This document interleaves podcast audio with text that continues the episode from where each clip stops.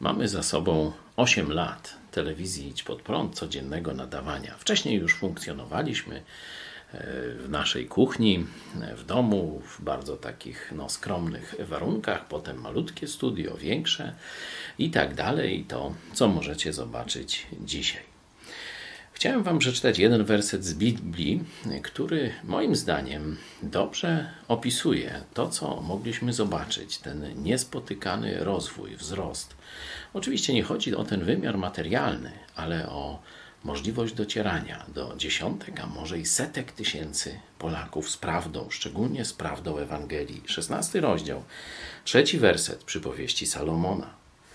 Powiesz Panu swoje sprawy, a wtedy ziszczą się Twoje zamysły.